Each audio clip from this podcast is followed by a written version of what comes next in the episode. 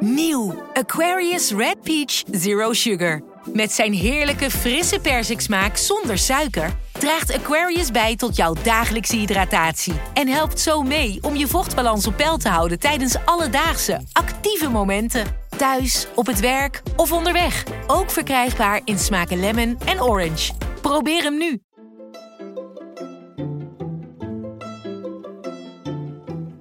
Welkom. Wij zijn Onbehaarde Apen. Dit is een podcast van NRC over wetenschap. Hallo, ik ben Lucas en ik ben vier jaar. Ik ben Lea. Ik ben vier. Zes jaar en ik kom uit Amsterdam. Ik ben negen jaar, ik woon in Voorburg. En ik heb een vraag. En mijn vraag is... En ik heb nog een vraag. Normaal is onze podcast bedoeld voor volwassenen. Maar deze keer gaan we kinderen alle ruimte geven. En dan in het bijzonder de vragen die kinderen hebben over het coronavirus. En we hebben onlangs een oproep geplaatst. Kinderen mochten hun vragen insturen. En uh, dat uh, hebben jullie gedaan, uh, kinderen. Dat was ontzettend leuk om te horen hoeveel jullie willen weten. Jullie zitten over heel Nederland met grote vragen. En die gaan we vandaag beantwoorden.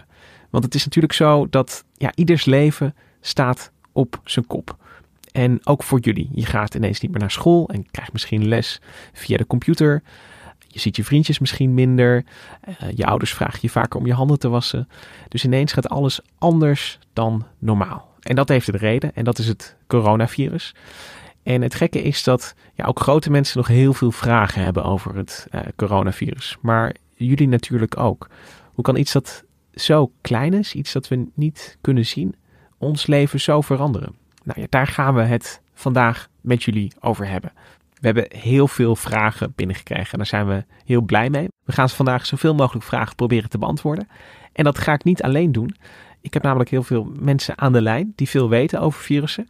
En de eerste is Sander. Hoi Sander. Hallo Lucas.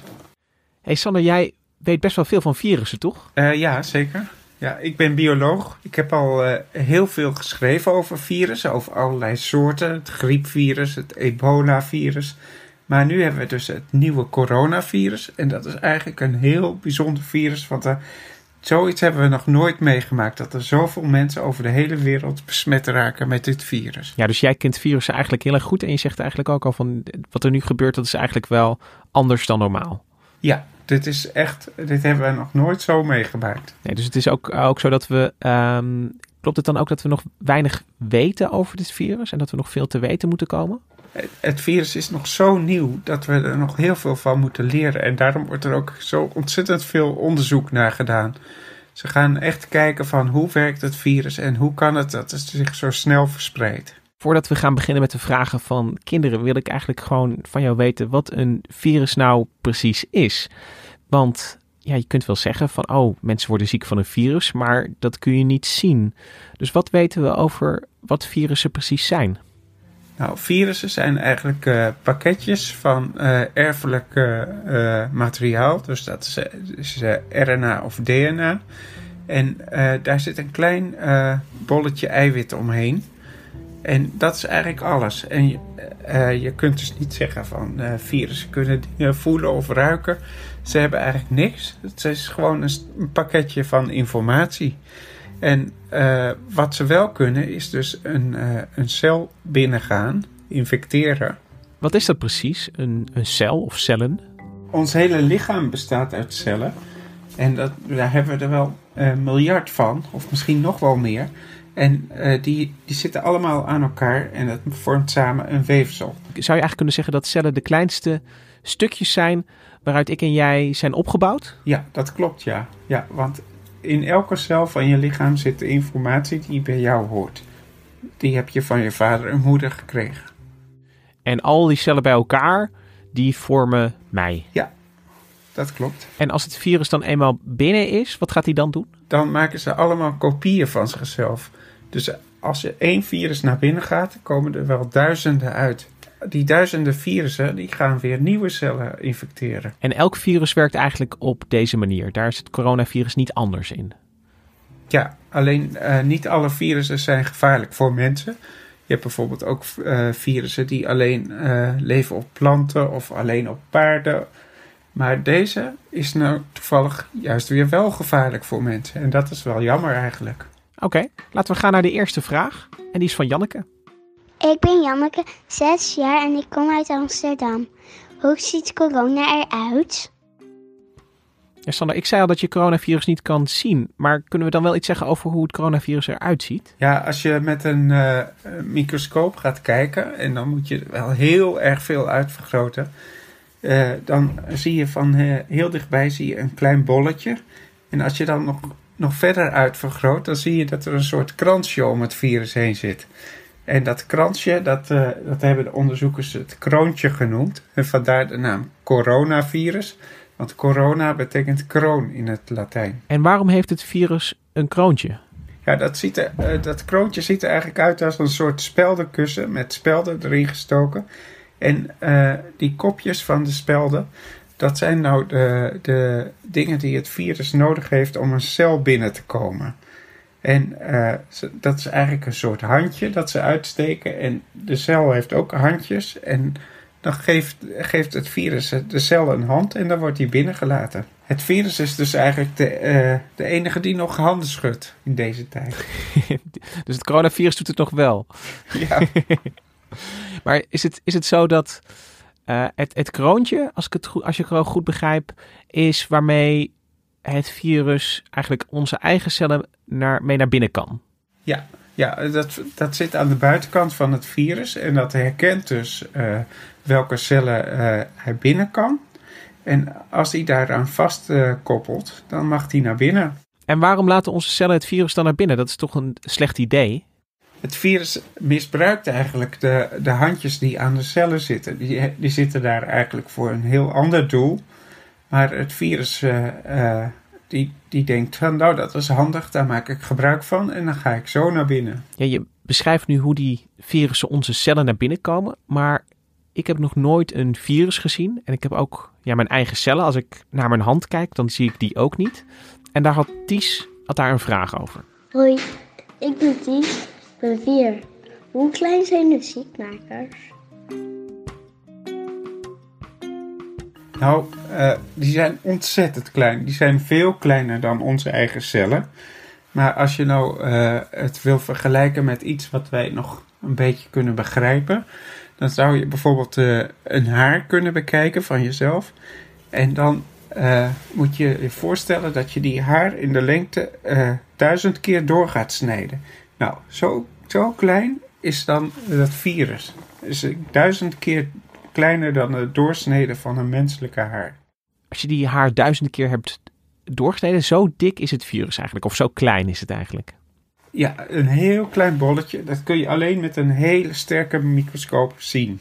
Maar als het virus zo ontzettend klein is, Sander, hoe hebben ze dan het virus voor het eerst ontdekt? In het begin dachten onderzoekers, wat is dit nou voor virus? En toen hebben ze uh, ook eens onder de microscoop gekeken en toen zagen ze dat kroontje.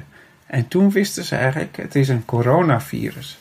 En vervolgens zijn ze verder gaan kijken en hebben ze gekeken naar het uh, erfelijke stukje van het virus.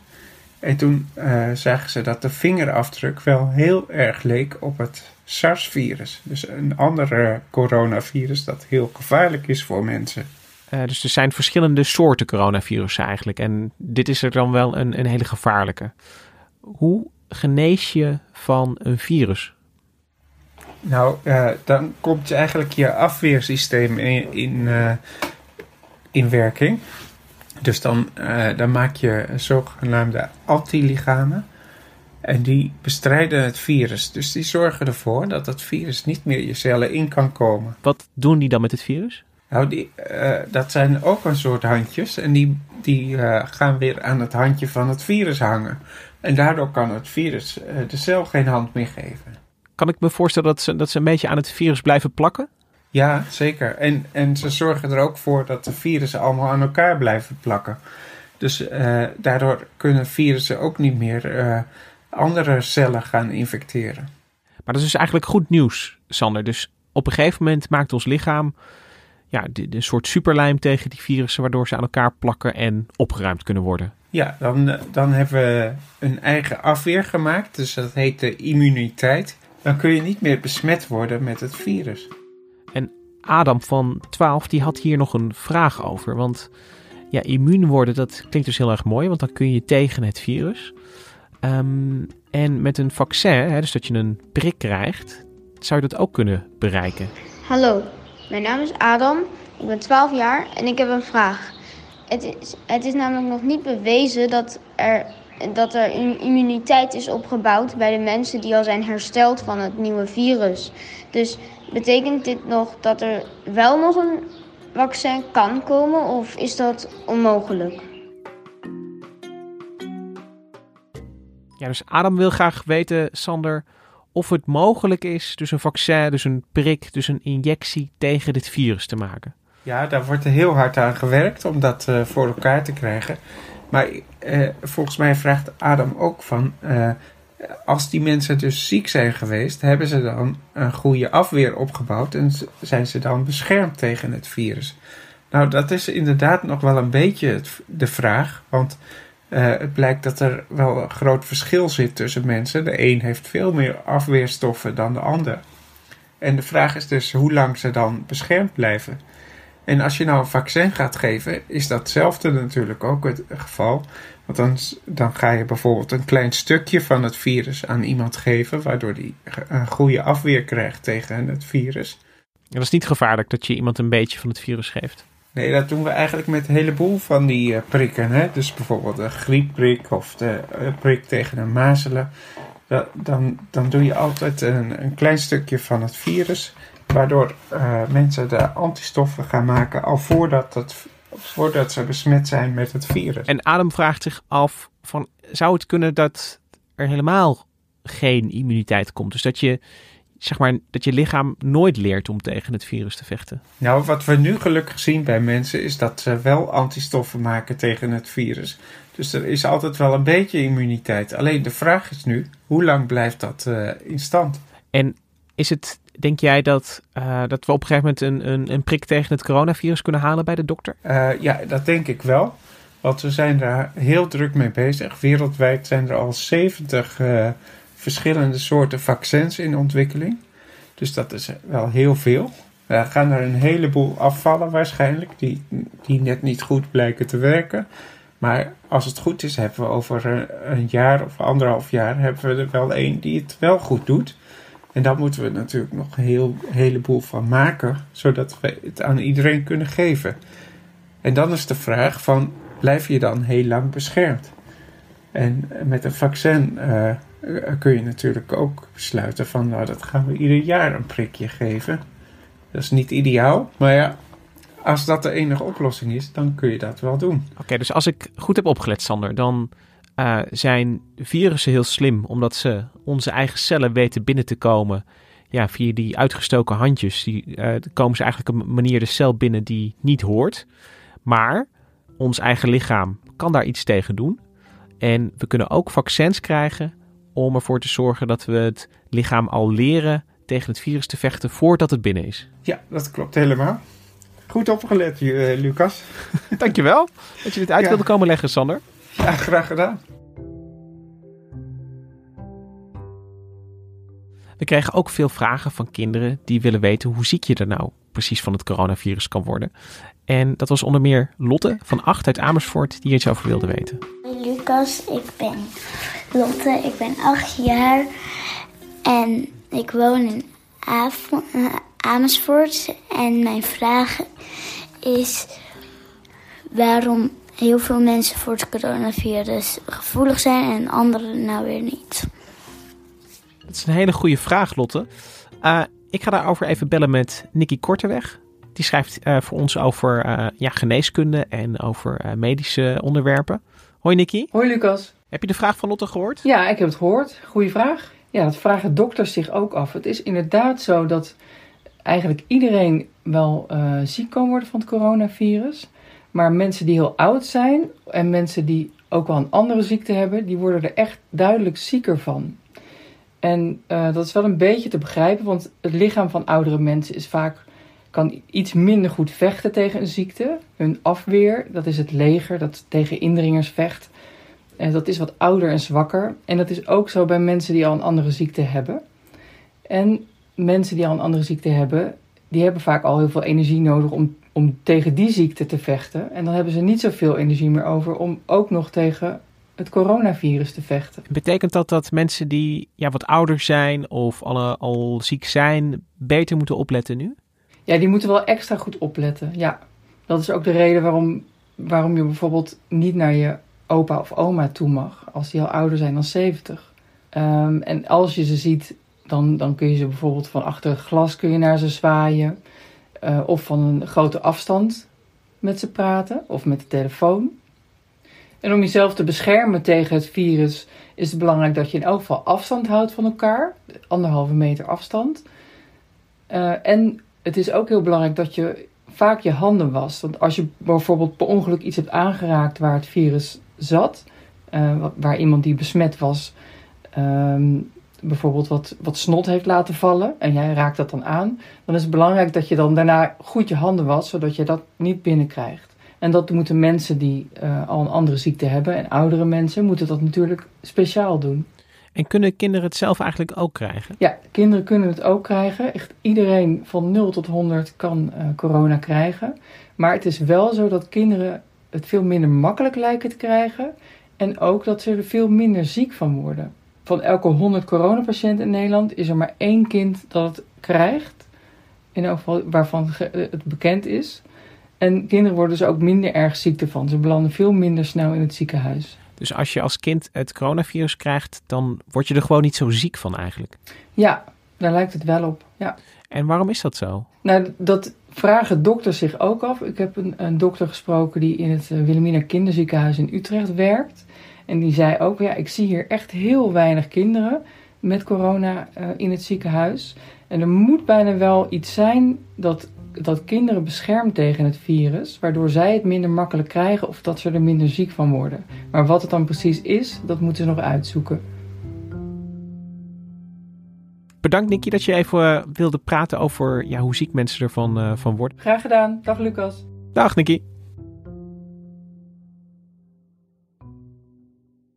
En veel van jullie wilden ook weten waar het virus vandaan komt. Uh, zoals Lucy, ik ben Lucie, ik ben vier jaar. Waar komt de coronavirus vandaan? Ja, dat is een hele goede vraag, Lucie. En het is duidelijk dat het uh, de eerste coronavirussen zijn gevonden in China. En dat was in uh, het einde van december, toen uh, we oud en nieuw vierden. Toen vielen de dokters in China eigenlijk al op dat er veel mensen ziek werden. Die kregen last van hun longen en moesten naar het ziekenhuis. En daarna hebben ze nog verder onderzoek gedaan.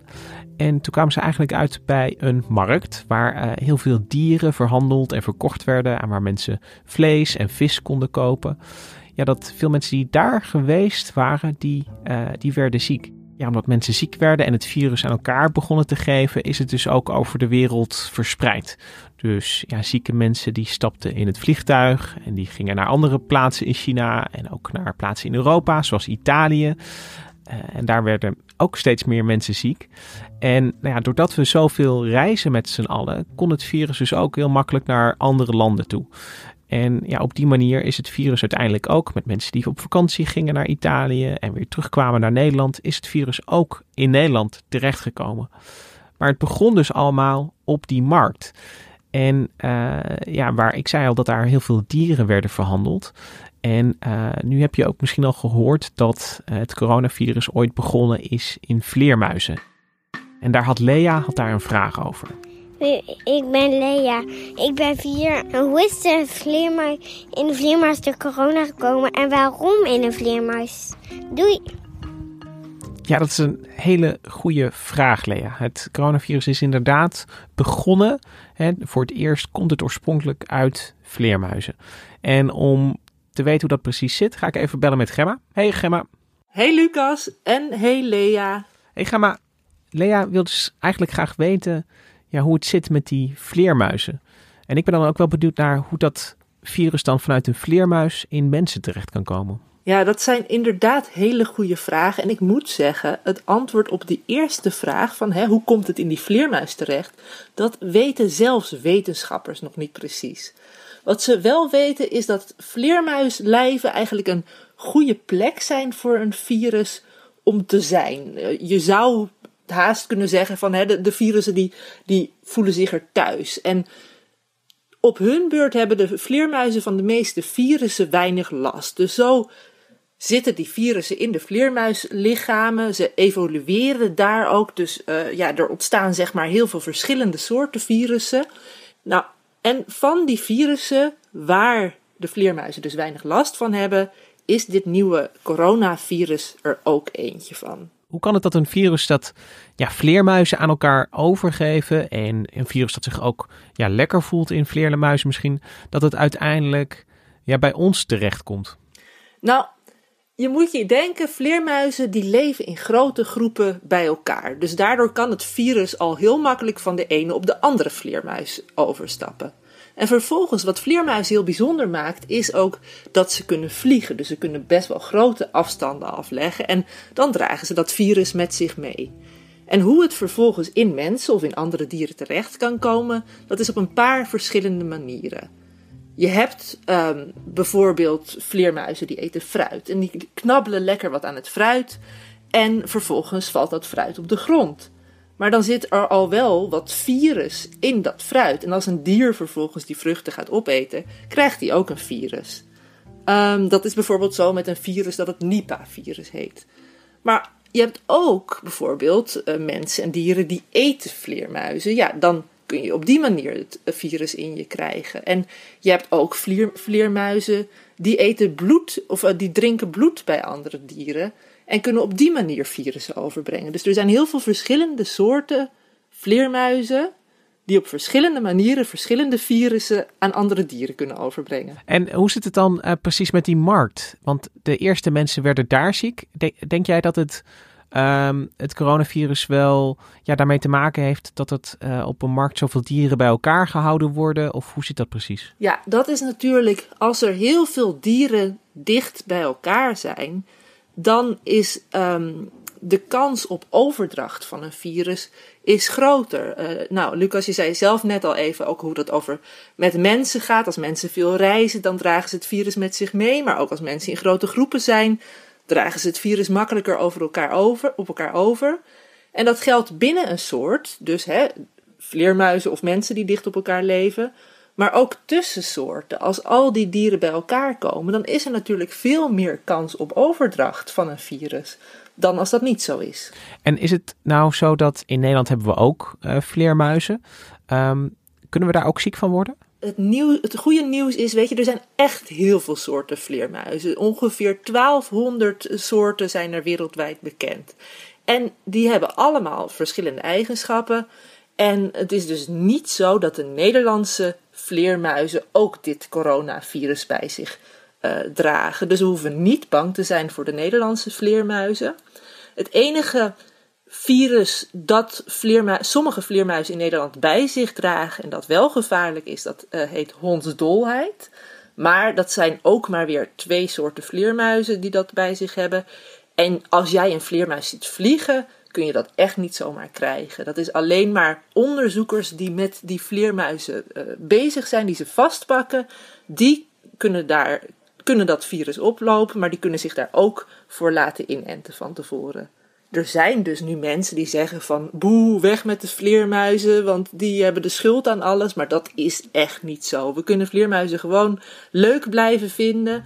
En uh, ja, ter vergelijking, er zijn ook andere dieren die ook virussen bij zich hebben, katten bijvoorbeeld. Um, maar die zijn ook niet zomaar allemaal overdraagbaar op de mensen. Dus uh, we kunnen ook gewoon tegelijkertijd wel van dieren blijven houden. Oké, okay, dankjewel Gemma dat je hier even over wilde, wilde praten. Over de vleermuizen en de virussen die zich bij zich dragen. Nou, het was gezellig. Heel gezellig.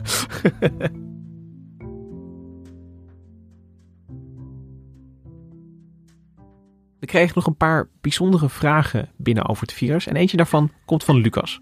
Hallo, ik ben Lucas en ik ben vier jaar. Ik weet dat coronavirussen klein zijn, maar dat je ze niet kan zien. Maar welke kleur hebben ze eigenlijk?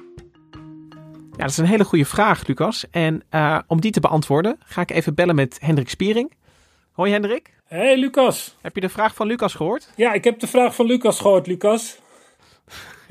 ja, daar heten veel mensen Lucas in deze podcast. Uh, maar Lucas wilde dus weten uh, welke kleur het coronavirus heeft. Ja, dat is een hele goede en verrassende vraag.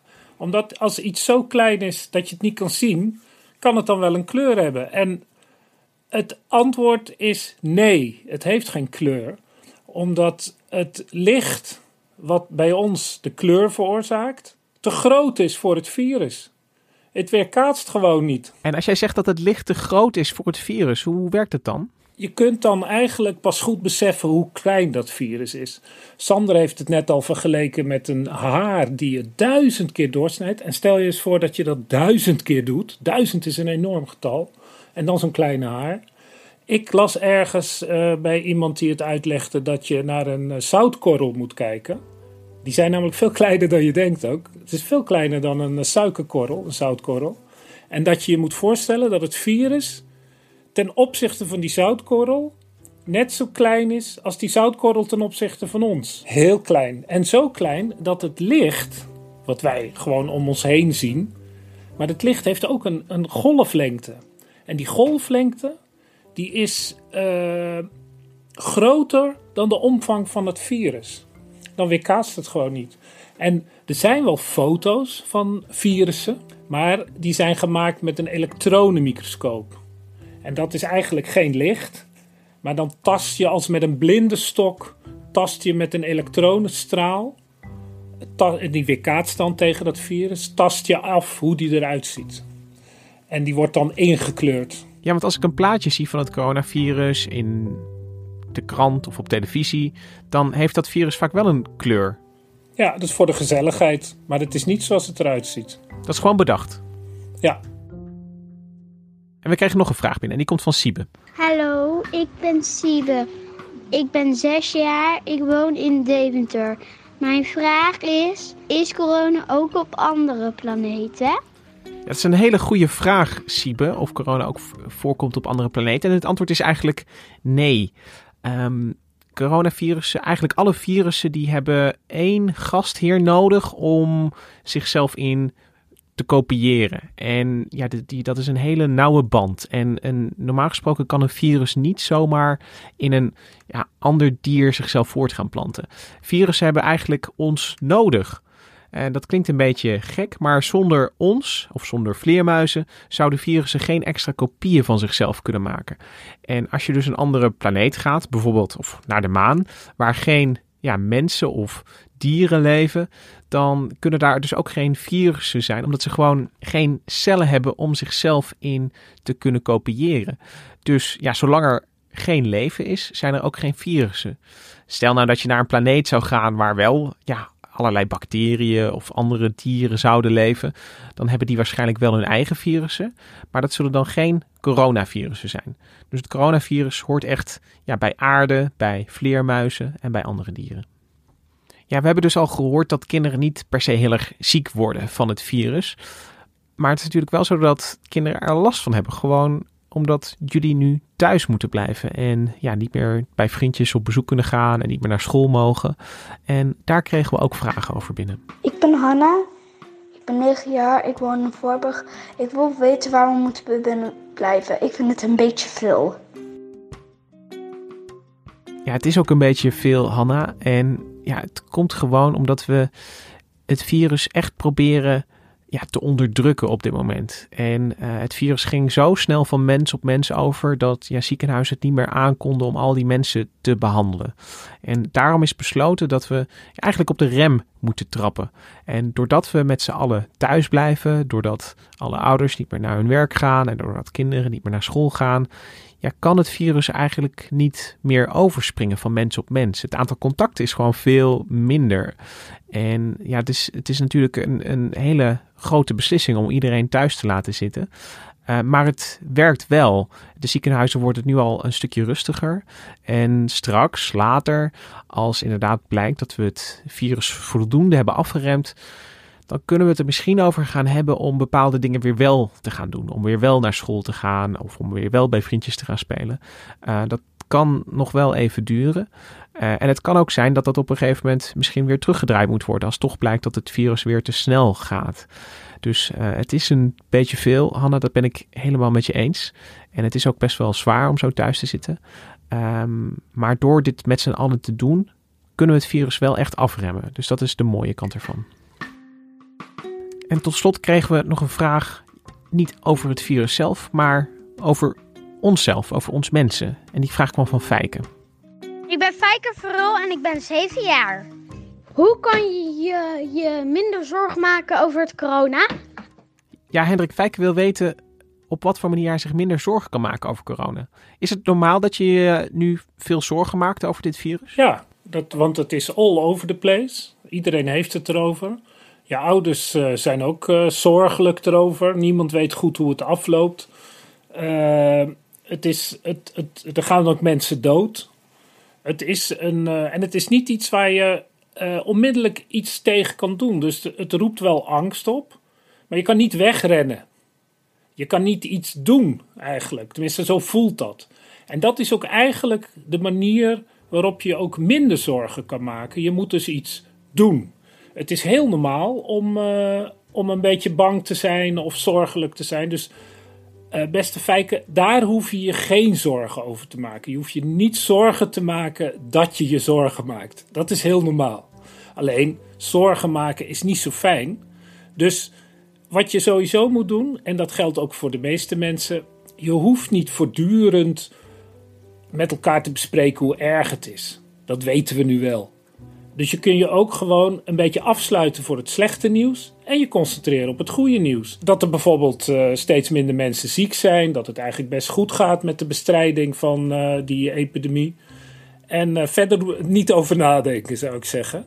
Maar dat is natuurlijk je kop in het zand steken. Je kan ook bijvoorbeeld goed je handen wassen, hoesten in je elleboog, niet bij oude mensen op bezoek gaan, dan help je. Dus dan, dan doe je iets ook om je eigen zorgen te bestrijden. En ik denk als je zeven bent, dan uh, raad ik je aan om ook een vast, vaste leuke dingen te doen. Bijvoorbeeld iedere dag om drie uur met je vriendje die in een andere stad woont, via Google Hangouts of wat dan ook, een moppenuurtje te doen. Gewoon elkaar leuke grappen te vertellen. Iedere dag weer. En dat wordt steeds leuker natuurlijk. Want je kunt dan de moppen gewoon nog een keer vertellen. En net wat je leuk vindt. Of naar Donald Duck films kijken. Stel je voor dat je vakantie hebt. Dat is ook zo'n goede manier om je zorgen te vergeten. Maak er een spelletje van. Je, je bent helemaal niet opgesloten in huis. Nee, je zit in een geheimzinnig hotel. En je vader is de kok. Maak daar een spel van. En zo kun je allemaal dingen bedenken en dat ga je ook gewoon doen. En iedere dag vier keer om het huis rennen, want bewegen is goed. Want dat, we niet, dat je niet meer naar school kan, wil natuurlijk niet zeggen dat je de hele tijd binnen op de bank hoeft te zitten, Hendrik. Nee, nee, bewegen, bewegen, bewegen. Al is het maar een beetje. Een paar keer de trap hard op en neer rennen totdat je moeder zegt, nou is het wel genoeg. Dus eigenlijk zeg je, het is niet erg als je je zorgen maakt, maar het hoeft niet. Nee, laten andere mensen zich maar zorgen maken. Als je zeven bent, dan moet je afwachten tot de grote mensen het allemaal opgelost hebben. En ze zijn hard aan het werk. Ja, de meeste wel. Dankjewel, Hendrik. En ook dankjewel aan alle kinderen die ons zoveel vragen hebben gestuurd. En ja, jullie nieuwsgierigheid die zet ons ook weer aan het denken. Uh, dus we hopen dat jullie iets hebben gehad aan de antwoorden die we vandaag voor jullie verzameld hebben. Uh, Gemma, Sander, Niki, Hendrik, ook heel erg bedankt dat jullie antwoorden wilden komen geven. Misha Melita, bedankt. Die zit achter de knoppen hier, achter een glas. Dat uh, zien jullie thuis natuurlijk niet. Maar ik zie Misha altijd als ik in de studio een podcast opneem. En zij zorgt ervoor dat het allemaal goed te beluisteren is. dus ook Misha, heel erg bedankt. Uh, wij zijn er volgende week weer met een aflevering voor grote mensen, maar kinderen mogen natuurlijk altijd meeluisteren. Tot dan!